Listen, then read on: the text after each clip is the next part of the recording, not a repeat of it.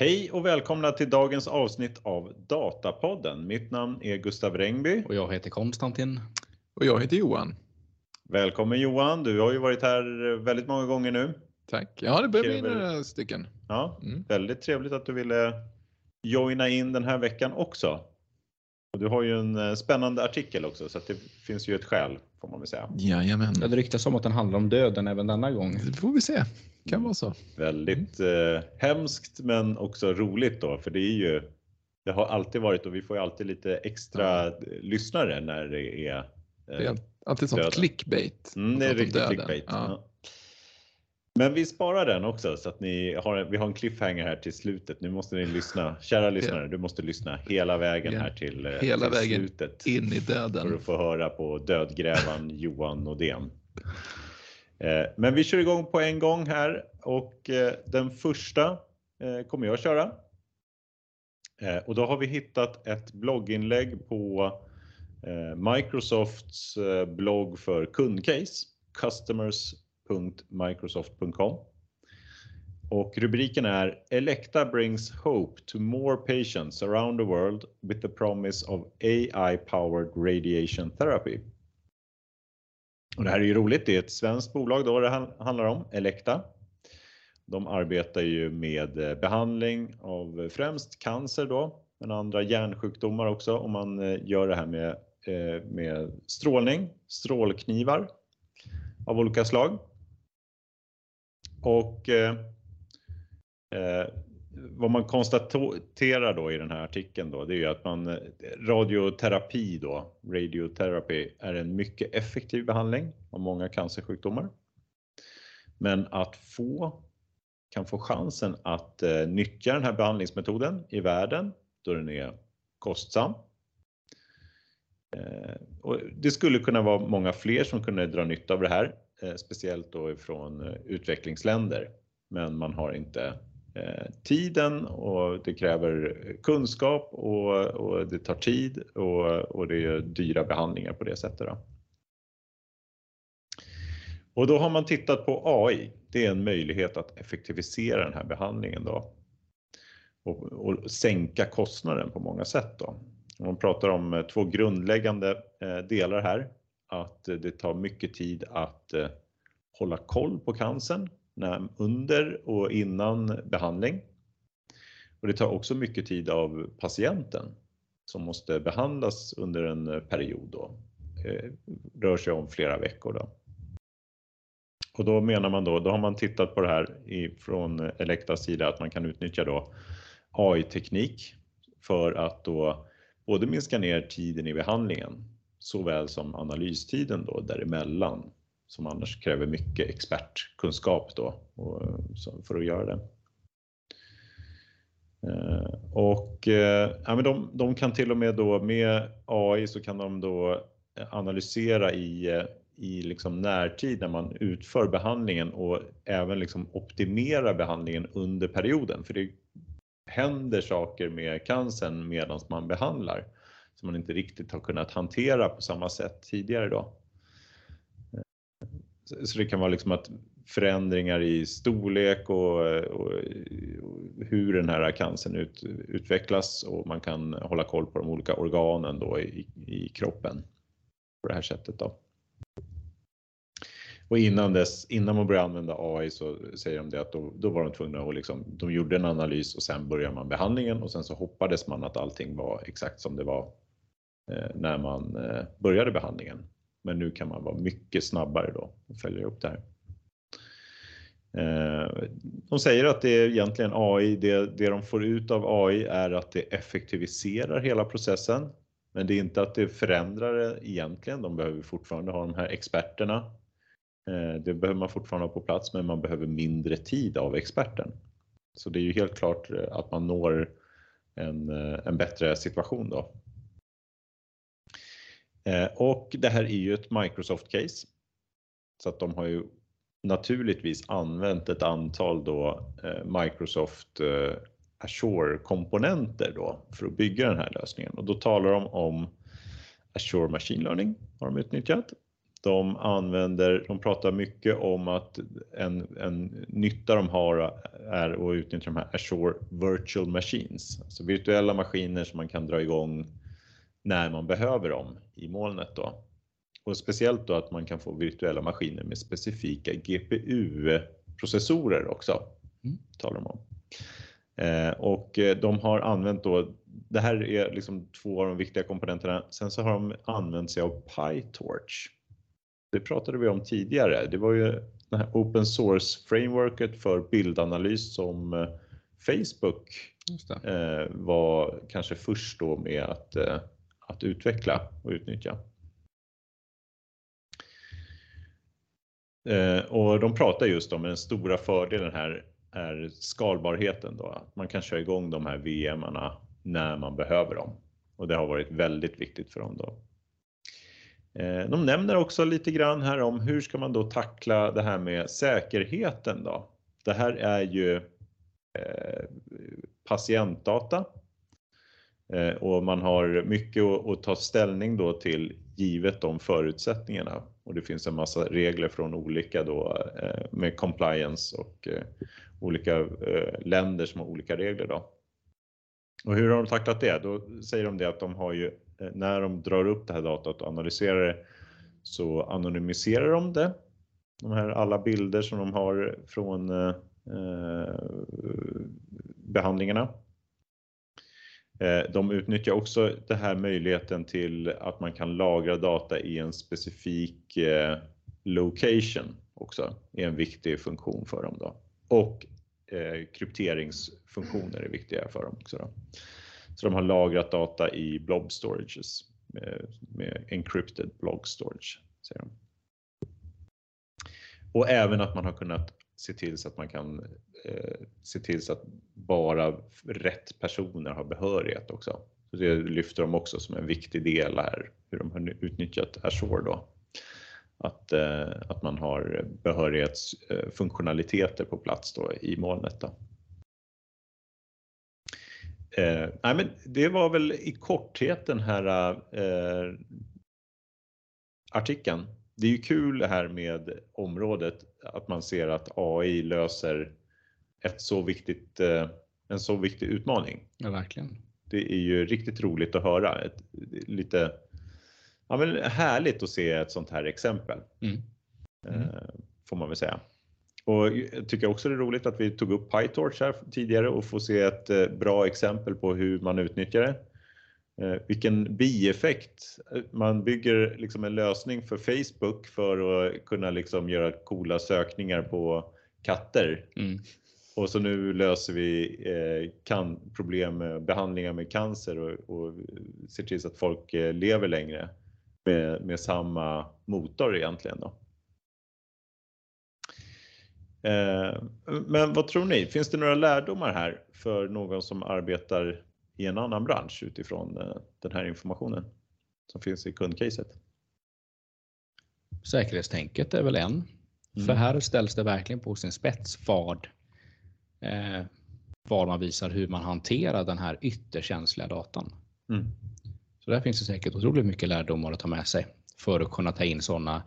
Det finns ju institutioner och sådär som är oroliga att gå upp i molnet. Mm. Men här blir det verkligen ett case där alltså satts på sin spets och då finns det ju massa att hämta um, för att de ska kunna ta det klivet. Ja, verkligen. Ja, men det, är, det är roligt att se och de här är ju, de är ju globala så att de verk, behöver ju verkligen kunna hantera det här olika regler på olika ställen också. Mm. Så det är väldigt, eh, väldigt krävande kan jag tänka mig för att funka. Men man blir väldigt nyfiken på hur det är implementerat. Alltså de säger, det är ju high level beskrivet i den här artikeln att ja, men vi har löst de här uh, compliance uh, utmaningarna med mm. Att all data är anonymiserad till exempel. Uh, vad, men hur använder man den i, i varje patientcase då? Blir, man ju, blir jag nyfiken på. Jag förstår liksom inte riktigt hur det där hänger ihop. Ja, just det. Ja, det måste ju på något sätt ändå gå att koppla tillbaka sen, alltså att man har någon typ av nyckel. Då är det inte anonymiserat. Inte helt liksom. Nej, så att eh, man, man, vill ju veta hur det funkar i praktiken. Och, ja. Eller så bygger de modellerna eh, i molnet och tar fram liksom eh, modellerna och sen drar de ner dem igen. Precis, så kan det vara. Att de bara tränar dem med mm. det här anonymiserade datat. Mm. Ja, men det är en bra, bra poäng här. Man är ju verkligen inne på det här eh, där molnet blir oerhört viktigt. Det har vi sett mm. på andra ställen också. Just avancerad analys och bildanalys kräver verkligen mycket om man inte ska vara i molnet. Det, det kräver ju väldigt mycket hårdvara mm. om du inte är i molnet. Alltså som de säger att de kan skala upp de här virtuella maskinerna med specifika GPUer. Mm. Så du får rätt processorkraft för alla de här grejerna just där och då du gör analysen. Mm. Att köpa på sig, jag vet inte hur många GPUer on-prem skulle ju vara ganska kostsamt. Mm. Ehm, så jag förstår att det, det görs, molnet görs ju väldigt bra för de här äh, skal eh, projekten där man vill skala snabbt mm. Ehm, och kort. Mm. Nej, det här är väl eh, lite av en ny datakälla, eh, bilddata, mm. som det kanske finns många andra branscher som man kan också utnyttja den här typen av data ytterligare än vad man gör idag. Absolut. Så fort man går upp i molnet eller tills när man har den möjligheten så att säga. Eh, och där, där väldigt, det blir en del av processen att man måste utnyttja AI då för i liksom dataprocessningen egentligen så fort man får upp datat. Några andra kommentarer på den här? Eh? Vi ser fram emot fortsättningen. Ja, precis. Nästa steg. Ja, men exakt. Vad tror du det blir då? Behöver de ingen läkare alls? Det vore väl trevligt. Ja, eller den här som man hör ibland att man, en läkare i Los Angeles ska kunna operera någon i, i Tokyo. Ja, just det. För alltså med en robot på plats, men att läkaren gör alla mm. rörelser. Eh, precis på samma, på samma mm. sätt. Ja, just det. Nej, men det är väl bra hjälpmedel. Alltså som de säger i artikeln också att det, det, det kommer fortfarande vara läkarna som behöver göra jobbet i slutändan. Mm. Men de behöver inte, de kan liksom bli avlastade enkla aktiviteter. Att sitta och titta på röntgenbilder eh, kan man kanske göra en slutgiltig bedömning men någonstans har man fått dem redan färdigbedömda av eh, AI-algoritmen. Mm. Att de kan men, sålla, hur, sålla in dem. Liksom, ja, att de här är... Fiken, hur blir det där med liksom det, psykologiska delen av det hela? Väljer man, om, om man ser att ja, det här kanske inte stämmer. Men liksom, ja, den, man, är så man, ve, den är så vedertagen så att ja. man vågar inte gå emot den här. Läkaren skulle bli primad av algoritmen. Att, ja, men att det, det skulle kunna ske. Att, mm. vad, man tar till USA där det är så himla rigida regler och, och mm. klausuler på allting. Kan det bli så att det blir så vedertaget att har man gått emot den eller så att gå emot den är farligare rent kontraktsmässigt om mm. någonting skulle råka gå fel än att man gör en egen bedömning. Ja, där, och där har du det är nästan som... lite kuslig utveckling ja, samtidigt ju... som det skulle kunna hjälpa ja. väldigt mycket. Ja, men det är väl en typisk sån etiskt resonemang kring AI. Ja. Eh, om man litar för mycket på en AI som vi ändå har tränat. Alltså mm. det är mm. ändå. Eh... Jo, men man kan fortfarande träna med fel data ja, eller att det kan uppstå ja. någon form av glitch. Att, alltså, det kan ju uppstå fel tillfälligt som ger mm. helt felaktiga prognoser. Mm. Vad, vad, hur löser man det? det? Det där har man väl i varje gång man bygger en sån här analyslösning. Att man får, eh, först får man tio fel i datat som man får gå och rätta och sen så helt plötsligt så dyker det upp ett fel som inte går att rätta. Och då visar det sig att, ja men vänta nu, nu är det fel i eh, processen. Mm. Nu har vi faktiskt hittat ett problem här. Det är alltid den här eh, liksom, när man börjar tro på eh, datat liksom. Mm. Eh, men absolut, ja, lite sidospår. Men, ska vi gå vidare? Ja, det kan vi göra. Konstantin, så är det. jag lämnar över ordet ja. till dig. Vi snackar lite Databricks idag. Eh, för de har kommit med nyhet inom det geospatiala området. Kan man säga så? Eller liksom ett begrepp. Spatiala området. Mm. Eh, men vad det handlar om är att Databricks genom sin release 11.2 släpper H3 för geospatial analys som GA, General, General Availability. Och det handlar då alltså om analys av platsdata. Så vad är då H3? H3 är ett geospatialt indexeringssystem som partitionerar eller enklare sagt delar upp världen i hexagoner. På svenska blir det väl ändå sexkant. Mm. Mm. Och, och dessa kallas då H3-celler. Resolutionen eller snarare storleken på ytan som varje hexagon täcker kan justeras ner till en kvadratmeter. Och H3 inkluderar även ett bibliotek med funktioner för att exempelvis konvertera koordinater till H3-celler, hitta centrum med cell och närliggande celler. Systemet tog eh, ursprungligen fram av Uber, men idag open source under Apache 2-licens. Och det är använt i väldigt många industrier tack vare användbarheten, men framförallt skalbarheten att använda stora mängder data. Exempel på användningsområden är självkörande bilar eller som autonom mobilitet. Och överallt där IoT-enheter genererar någon form av platsdata. Eh, som exempel kan vi ta en skördetröska som mäter mängden säd som skördas på olika delar av ett fält. Och denna data kan då senare användas eh, för att optimera mängden gödningsmedel vid nästa sådd. Så har det vuxit lite sämre på ett ställe, ja men då lägger vi lite extra gödsel där eller, eller lite extra eh, frön. Och har man flera dataset över samma område så kan man göra olika typer av aggregeringar. Eh, det vill säga att man kan lägga flera lager av ett rutnät på varandra. Och ett exempel här som de även tar upp i artikeln är upphämtning och avlämningsplatser för taxiresor i New York. Och genom att aggregera hexagonerna i ett rutnät över New York och addera lite färgsättning eh, beroende på antal per hexagon så kan man bilda en form av värmekarta över de vanligaste platserna för upphämtning, upphämtning och avlämning.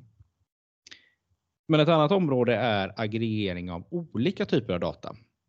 Så i artikeln tar du upp ett exempel där man undersöker var flest hämtningar sker på LaGuardia flygplats. Och detta genom att först definiera vilka hexagoner som utgör flygplatsen och sedan lägga på upphämtningsdatat på detta.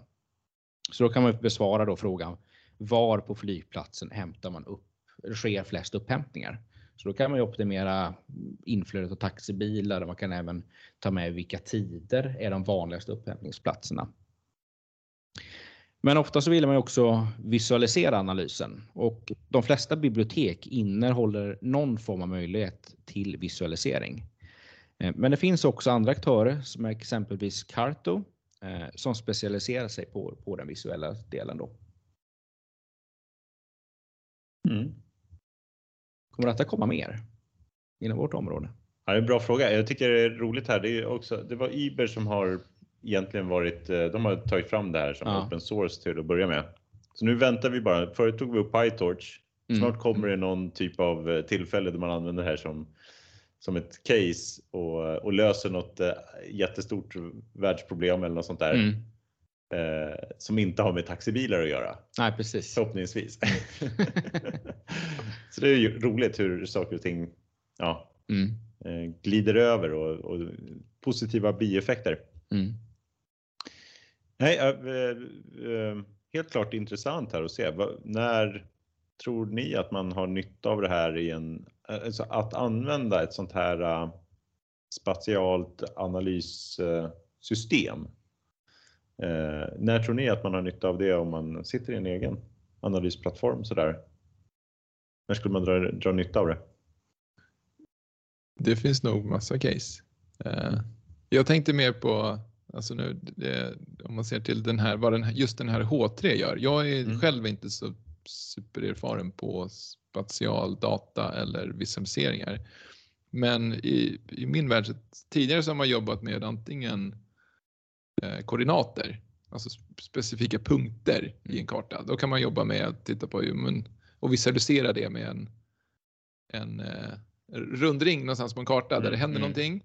Eller så har man jobbat med eh, eh, ytor. Mm. Där man måste definiera en yta på en karta. Ska man färglägga liksom en region eller en, ja. en stad och sådär. Här får vi en kombination av bägge i den här på något vis. Mm. Uh, att man delar upp hela världen i de här hexagonerna. Och så kan man välja att visualisera dem mer eller mindre eller aggregera upp dem i större hexagoner. Mm. Nu kan vi inte visa det i, i podden men i den här artikeln så var det lite snygga visualiseringar den här flygplatsgrejen. Mm. När man ser de här hexagonerna som går då att liksom dels färglägga och dels göra större eller mindre. Uh, och sen kunde du liksom även visualisera på höjden så det blir som ett stapeldiagram mm. i kartan. Så jag tror att det här formatet gör nog att det blir kanske lättare att kombinera. För annars tycker jag när man ska göra uh, uh, visualiseringar av spatialdata så blir man liksom mm. hamnar man emellan om man ska ha koordinater eller om man ska ha ytor. Mm. Och här kan man göra bägge kanske, vilket öppnar för lite nya case. Ja, det är ju det är liksom krångligt med ytor och räkna mm. på, liksom räkna snitten mellan ytor. Det, det, blir ju inte liksom lättförståeligt. Det kanske blir lättförståeligt när man sen visualiserar det. Men mm. det blir lite krångligt. Så det, det, känns som det är en ganska bra eh, sätt att jobba med data på mm. och ändå fatta vad man håller på med och hålla tung, tungan mm. rätt i mun. Och det blir ett generiskt sätt att göra det ja. utan att definiera sina ytor. Liksom. Ja. Man kan mm. alltid använda de här. Men du har ju liksom lite fördelar här också. Jag kollade lite eh, vad, vad man nämner som bra grejer med att använda ett sånt här hexagonsystem som här H3 är. För det de jämför med annars, det är ju, ja, men du måste ju dela upp det på något sätt i ytor, antingen mm. liksom helt egna ytor eller då så utnyttjar man det. Det normala är ju de här liksom ett gridsystem över, över jorden med egentligen rektanglar. Och de är olika stora på grund av att eh, jorden eh, är liksom som den är och rektanglar är i en annan form än vad jorden är. Ja. Eh, och, men då tar man upp här och, och säger det att ja, men en sak så där, när man ska liksom räkna på vad som ligger i närheten och sånt där. Mm. Så när du har en hexagon, då tar den alltid och har sex stycken närliggande punkter. Medan en fyrkant har åtta närliggande punkter. Och ska man liksom börja räkna på liksom vad som ligger i närheten så kan det bli, det har stor betydelse om man har sex eller åtta och ska liksom mm. söka igenom eh, rymder. Eh, så ja, det finns en massa sådana liksom tekniska eh, fördelar och varför det är ganska skönt att jobba med det här sättet. Det passar ganska bra på Globen, mm. liksom en, en rund sfär så att säga få bra visualisering och, och så. Och lätt att jobba med spatiala analysen. Då. Mm. Men det, det, är väl också lite så här om man bara behöver visualiseringen. Det är ganska många av våra kunder som bara de behöver bara få upp liksom datat på en karta. Då mm. klarar man sig ju eh, med liksom ett visualiseringsverktyg på ett annat sätt och bara dra in longitud och latitud. De brukar ju ha bra funktioner för att mm. Eh, göra det. Till exempel Power BI. Att man mm. Eh, även kan, den kan ju markera upp liksom, eh, även en kommun och så vidare. Åtminstone mitten av den som en punkt och, sen, Exakt. och, och liksom ha en hierarki där. Men det finns väl tillfällen då man behöver göra lite mer avancerad analys och kanske behöver ha mer stöd för det i databasen. Mm. Då kan ju det här vara ett alternativ då att jobba med mm. H3. Jag tänker mig att det skulle vara mer där det sker en rörelse. Har du en koordinat, du har något statiskt, en butik mm. eller något sådant. Liksom vill visualisera, kanske göra större bubbla ju större för, högre försäljningen är. Men har liksom rörelse, du har liksom transport av något slag. Um, eller att vi har liksom någon form av mängdanalys liksom, som kanske är liksom utspridd över en, liksom en yta. Mm. Då blir det här väldigt användbart. Mm. Men man kan ju fundera på om man nu skulle implementera det här i sin databas. Eh, hur, jag vet inte de här verktygen som de har visualiserat det med här, alltså om vi pratar om Power BI. Mm. Kan det här vara något som kommer? Ja, det är en bra BI? fråga. Jag hade svårt, jag googlade runt lite grann och se vem som har stöd för det här H3. Eh, jag kunde inte hitta sådär jättemycket. Uber har ju det, mm. självklart. Och Databricks. Men eh, jag vet inte om det är några fler, om det här är liksom väldigt tidigt eller om det är fler som kommer hoppa på eh, mm. den här vågen. Om det blir en, en ny standard. Men om det blir det, då vet ni var ni hörde det först. Exakt, mm. för, det, det, det för det känns som en, en väldigt tydlig sån eh, dealbreak, eller man säga, breakpoint, mm. när olika visualiseringsverktyg implementera ja, det här. Mm, om det kommer ja. i BI eller Tableau eller Click mm, eller mm. sådär, då, då kommer då är det vedertaget. Liksom. Då, ja, ja, eller så blir det det efter det. Mm. Ja, de hade ju riktigt snygga. Jag blev mm. imponerad där. Databricks hade ju väldigt snygga eh, kartor som jag eh, var imponerad av också, precis som du eh, Johan. Eh, så det, det verkar ju helt klart finnas bra stöd där i alla fall för A3 får man väl säga. Men det var också någon sån här open source projekt tror jag de som utnyttjade. Ett ytterligare. Är vi redo att ta en eh, lite mer eh, sorglig ja. ton i eh, podden? I podden? Precis. Vi, vi, vi gör väl ett försök i alla fall. Eh, precis, jag är sist ut då. Yeah. Eh, för att eh, då eh, citera Aris Stewart som har skrivit en artikel på The New Stack med titeln DevOps is dead. Embrace platform engineering. Vi har ju pratat tidigare om eh, lite andra eh, döder här, men nu är det då DevOps som, vi, som påstås vara dött. Eh, och anledningen här då, summerat av en, en den här artikeln är, är, summerar väldigt många andra grejer eh, som händer då. Eh, så den börjar med en, en Twitterpost här från en, en snubbe som heter Sid Palace. Och han menar på att anledningen till att DevOps är dött är för att utvecklare vill inte hålla på med infrastruktur. Um, och organisationer behöver, en, behöver få övergripande kontroll över sin infrastruktur när de växer. Eh, och lösningen på det är platform engineering. Så att det här med att man ska hålla eh, liksom flera self-service team som pysslar med både utveckling och drift och infrastruktur är inte hållbart. Liksom. Dels för att de inte vill det eh, och dels för att man får inte en övergripande kontroll. Du får liksom ingen specialisering. Alla måste göra allt. Liksom. Ja. Um, så eh, artikeln fortsätter här då med att liksom gå på den här döden. Eh, men en annan eh, Twitterpost från en snubbe som heter Luca Galant. Eller Galante. Han har gjort en liten poll här. Det som 330, 330 personer har svarat på. Det är kanske inte jättemånga då, men det är ändå får väl anses vara några representanter från communityn här. och han frågar Devs Be real with me. Do you all want to do ops? Alltså så här, ut, utvecklare, vill ni hålla på med, med, med uh, operations egentligen? Och då har 40 svarat uh, uh, ja. 40% har svarat nej och 20 bryr sig inte. 20 har till och med svarat att de, jag ska inte använda hans fula ord som han använder. Verkligen nej kan vi säga. Men de har verkligen sagt nej. De vill inte hålla på med det här. Så det är väl ganska tydligt då att det är väldigt många, eh, i de här teamen då, som finns på riktigt så är det många utvecklare som inte vill hålla på med operations. Um, och de menar, de plockar också upp eh, eh begreppet här cognitive load som är då, jag vet inte om man skulle säga på svenska då, men liksom den ko kognitiv belastning. Alltså det blir väldigt mycket att hålla reda på som du säger Gustav.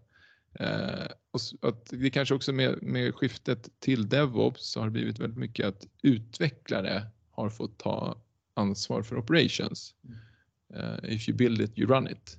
Um, och att det är många utvecklare som inte vill det uh, och de får också, man blir också utsatt för väldigt många stora frågor. Alltså man måste ta, ta beslut kring så mycket mer än bara applikationsspecifika lösningar.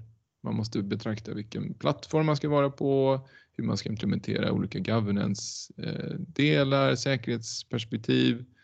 Ehm, det är liksom vilka verktyg man ska välja. Eh, allt måste man liksom ta hänsyn till och det blir en alldeles för hög kognitiv belastning. Då. Man, man mäktar inte med det här. Liksom. Det blir overload helt enkelt. Men det blir overload ja. Eh, och man pallar inte. Ehm, så det är eh, lite intressant. Då. Eh, och sen fortsätter det med lite fler eh, Twitter-referenser. Eh, där nästa då är en, för de kom in på då så här, det, lösningen på det här är ju då det de kallar för platform engineering. Jag kanske ska ta det först då, vad, in, vad innebär det då? Eh, och det är liksom då en, en, ny disciplin kan man säga för att liksom designa och ta fram eh, verktyg och metodiker för att hantera plattformen. Så att man ska liksom facilitera de här uh, DevOps-teamen, mer se dem som liksom enabling teams för olika applikationer eller syften. Och ge dem, om de ska liksom vara self-service och kunna bygga och köra sina grejer så ska de inte behöva hantera plattformen. Utan det ska finnas ett, ett underliggande plattformsteam som supporterar i, i plattformen. Att då ta fram eh, som de kallar för golden paths, det vill säga liksom väg, de, den enklaste möjliga vägen för att uppnå ett resultat. Um, ska, det ska liksom vara enkelt för utvecklingsteamen att bygga rätt. Um, och de ska inte behöva fundera på om de gör, implementerar rätt säkerhetsfeatures eller att de har backup-rutiner på plats och att de använder rätt infra, bästa möjliga prestanda infrastruktur mm. under, utan det ska liksom finnas i plattformen. Eh, och plattformen ska liksom facilitera utvecklingsteamen. Så då kommer då är den här nya termen då, plattform engineering och du ska ha ett plattformteam som, som håller det och de ska mer se plattformen som en produkt som de levererar då till, till utvecklingsteamen. Men och då, vi har ju pratat tidigare här i podden vet jag. Jag tror inte när jag var med kanske, men jag vet att ni har pratat om eh, Gartners Hype Cycle mm. som vi har Just det. Eh, Data Management Systems var vi inne på då va? Så kanske det var. Och data mesh. Var det när data det var, mesh Det var döden den gången. Ja, precis. Den, den, det, det, den här, döden kommer. Ja, men det är nog grejen för den här hype cykeln är ju, den är ju, det är en cykel. Den mm. finns ett tydligt slut på cykeln och då, mm. då dör man. Eh, men där var ju, i det fallet så var det data mesh aldrig ens skulle ta sig igenom cykeln. Nej precis, för mm. du kan ju gå igenom cykeln och så finns du kvar som teknik också. Ja. Eh, bara att alla vet vad, alltså det är inte en hype längre utan det är alla fattar vad det är för någonting. Exakt. Och, och det kanske är väl, det är väl det som då, det är den här Gartner eh, referensen till den här hypecykeln i det här fallet. Det är också en Twitterpost eh, och där är ju DevOps liksom ute ur cykeln på något vis. Mm. Den är ju sist, precis i sista, sista ledet här i platå of productivity. Eh, de kallar det för DevSecOps här, men jag, jag antar att det är samma. Att den liksom har passerat hela cykeln och är, mm. det blir inte bättre än så här liksom. Mm. Eh, finns ingen förväntning. Man, man är precis, eh, det är väl balansen mellan förväntning och eh, förmåga i den här, liksom, att man får mm. precis vad man förväntar precis, sig. Precis. Det kommer inte hända något mer. Så den är liksom på väg ut eh, och i den här cykeln, alltså det finns ju man känner sig ju eh, så opåläst när man tittar på Gartners de här eh, cyklerna. Det finns liksom en miljard, för den här handlar ju om software engineering. Då, den här, ja, det är lite, inte riktigt våran. Det är inte riktigt vårat gebit, men det finns ju liksom i den här då, vad är det, 30 olika software engineering metodiker mm. som man inte har en aning om vad de handlar om. Men eh, en som jag noterade som också kommenterade här är ju eh, vet de, microservices. Eh, det känner man ju till i alla fall och den kommenterar de här. Den är, den är då i mitten av den här cykeln. Den är liksom på väg ut ur eh, throw of disillusionment. Just det. Att den är liksom på väg att eh, eh, komma tillbaka efter att ha liksom hypat, hypat ja. och gått ner och nu är den liksom på väg upp igen att faktiskt leverera rimligt värde. Mm. Medan då den här uh, platform engineering mm. som vi pratar om här, att, att tillhandahålla den här plattformsprodukten, den är precis på väg upp i den här hypen. Mm. i sin innovation trigger. Så att den är liksom tidig in här. Vilket kanske då blir tydligt så här, DevOps är på väg ut, Platform Engineering är på väg in att ta över det här. Då. Mm. Det finns en till DevOps där också, DevOps Test Data Management som ligger precis ja, uppe i Den är precis toppen. i toppen av hypen och ändå har vi inte hört om den. Men eh, så det var väl eh, eh, sammanfattning av den här artikeln. Då. Mm. Ja, men det är då roligt. Det är inte Gartner som säger att den är död egentligen. Det är Nej. mest att det kommer ett nytt begrepp här som tar över egentligen. Exakt, eh, så det är mer så här, det, det, det, det är de här eh, influencers här, då kallar de som påstår att den är död. Eh, och de menar ju det just utifrån att eh, utvecklare vill inte hålla på med ops. Mm. Så därför är den död. Liksom. Mm. Men hur, om man eh, jämför då med vår, våran värld, analys och data, har det inte alltid varit att man sköter både utveckling och en hel del förvaltning på olika sätt eh, i våran bransch?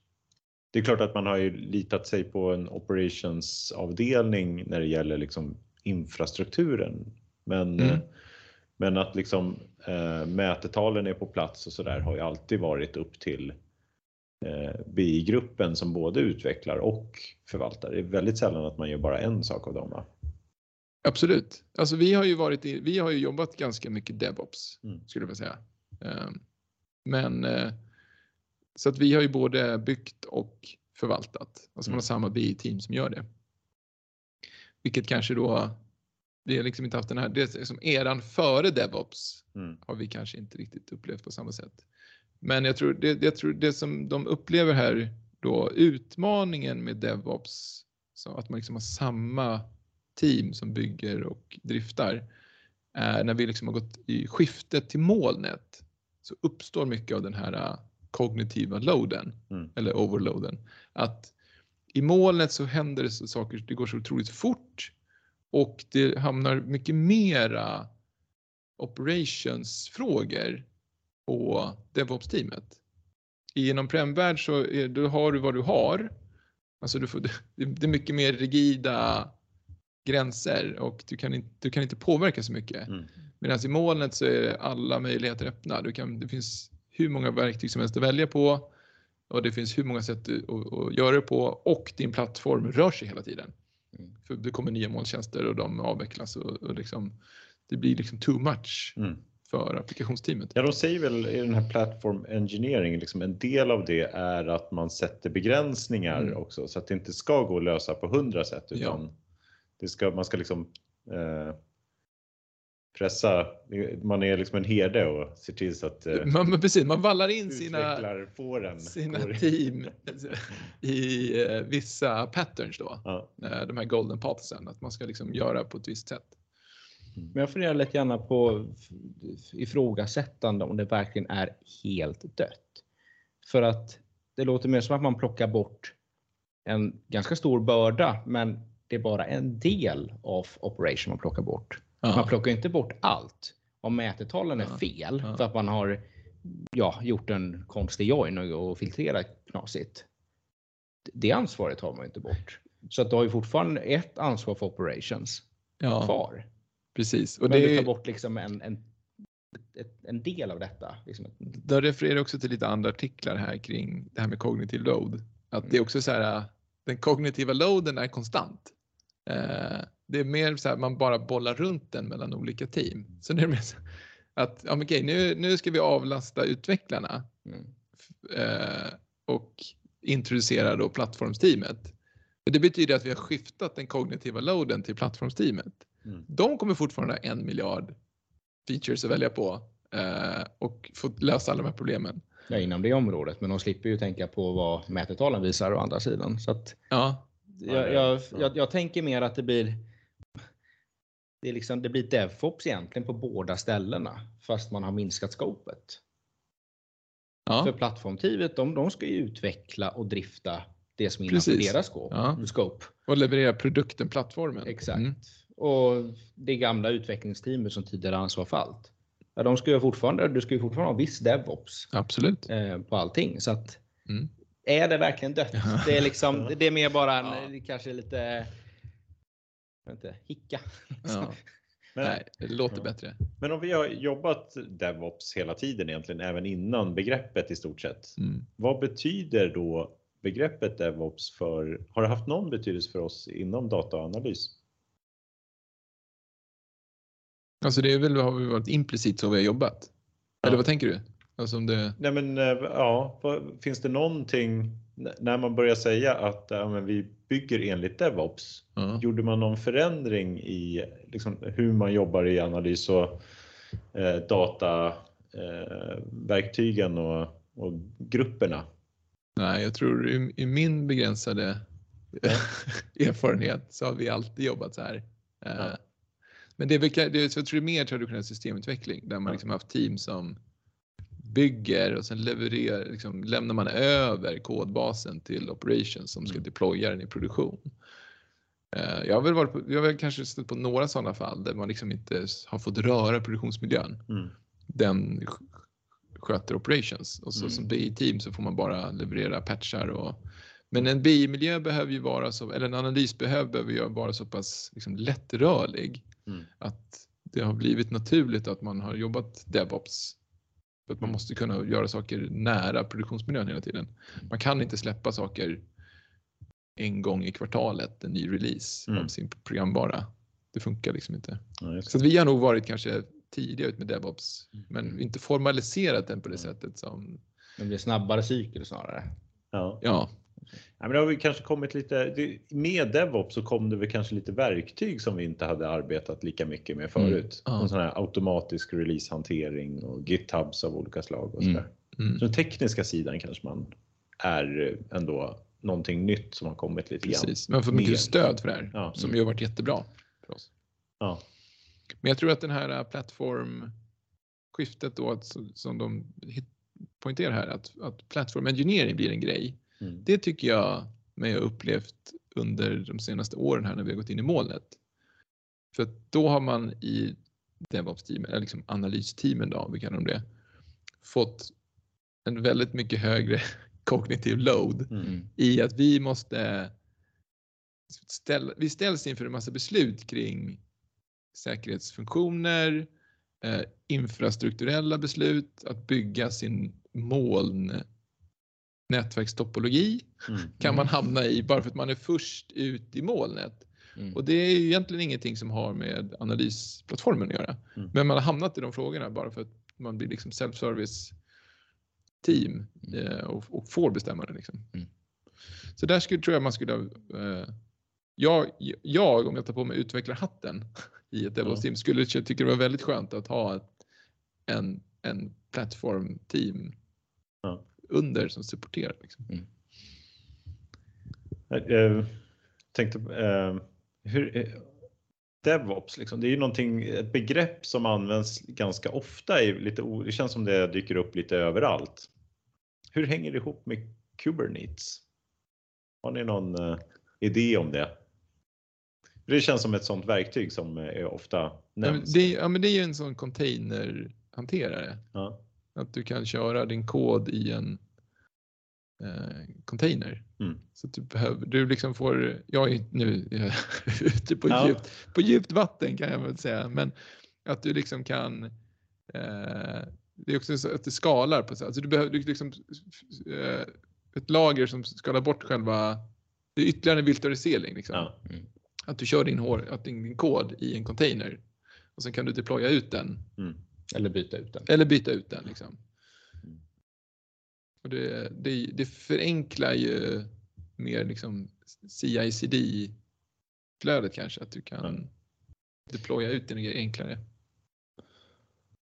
Och inte lika beroende av underliggande. Hur, hur är det då? Kör alla kunder eller liksom alla vi stöter på, kör alla DevOps idag eller, eller finns det någon, någonting, eh, finns det en del kunder som inte har ens tänkt på den här, liksom den definitionen, metoden. Jag skulle nog säga att alla kör det mer. Men sen är vi kanske mer liksom olika grad av teknisk implementation. Ja. ja. Skulle jag kunna tänka Jag skulle säga att det är väldigt olika mognad på det här. Mm. Alltså vissa har, har gjort skiftet från uppdelad dev och ops, alltså drift mm. och mm. Uh, utveckling och gjort skiftet så här, men nu ska vi organisera om oss och ha tydligare DevOps-team. Mm. Andra organisationer har inte riktigt, alltså inte riktigt mogna där än. Mm. Man är fortfarande kvar i det här tänket, men vi har en operationsavdelning, vi har en utvecklingsavdelning mm. och så jobbar man lite silos fortfarande. Ja, det är väl inte alla som bygger sina egna system. Man kanske bara köper in ett par system. Ja. Då behöver man väl knappt någon devs. Då har man knappt någon devs. Då har man ju bara operations liksom, ja. och så köper man in programvara. Så det är ju ganska vanligt i, ja. i, hos kunder att man inte har behovet av, alltså man köper sina stödsystem Mm. Det är väl kanske extra vanligt, vi kommer tillbaka till det här att det blir extra vanligt i så här techindustrier, ja. att man behöver bygga sina egna system eftersom man är den enda som gör en viss specifik tjänst eller något sånt där. Ja. Eh, annars så har man ju ganska mycket att vinna på att ha ett färdigt system. Mm. Men inom BI, inom BI och dataanalys så har vi nog jobbat väldigt mycket så här. Ja. Mer eller mindre uttalat. Men. Mm. Om nu Platform Engineering då tar över och blir det nya stora begreppet här som Gartner tror ju ändå på att den kommer mm. komma. Mm. Hur kommer det påverka oss då i dataanalysbranschen tror ni? Man hoppas ju på att man ska, eller det blir så här, det, det kommer ju påverka oss att vi får bli mindre i egenskap av levererande utvecklingsteam. Vi min, får mindre självbestämmande kring plattformen. Mm. Det kommer redan faciliteras av ett annat team. Och också att på, på det positiva då, att man, blir, man slipper eh, ta alla de frågorna. Man kommer bli mer serverad med mm. färdiga mm. strukturer. Ja, eller att man har en helt ny roll i leveransteamen där det finns dedikerade personer som är plattform. Plattform engineers. Ja. ja. Det kan man tänka sig kanske. Precis som nu att man arbetar man med arkitekter, med projektledare, med utvecklare. Har plattform. Ja. Att det blir liksom en egen, det blir mer av ett eget område. Mm. Precis som du har data engineers så kommer du ha platform engineers Precis. i teamet också. Ja. Mm. ja, den som lever får vi se här eh, när platform engineering kommer in. Men det vore väl skönt i alla fall om vi får lite mindre cognitive load. Det är väl positivt? Ja, slipper tänka så mycket. Ja, det, det tycker jag låter väldigt bra. Så kan man eh, koncentrera sig på sina mätetal och sådär. Ja. På annat. Det finns ju... Koda. Ja, koda lite mer. Bygga H3-visualiseringar. Just det. Mm. Mm. För det borde vara okej. Okay. Platform Engineering ger tumme upp till H3. Det borde väl vara okej. Okay. Precis. Ja. ja men toppen. Mm. Är det någonting mer? Vi är nöjda så här. Ja. ja, jag är väldigt nöjd också. Vad bra. Mycket Den här bra. veckan med. Ja. Tack så mycket för att ni har lyssnat. Tack ska ni ha. Tack så mycket. Hej då.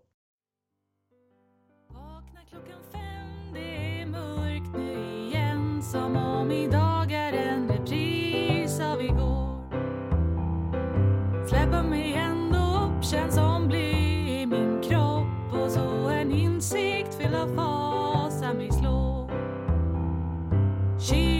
return.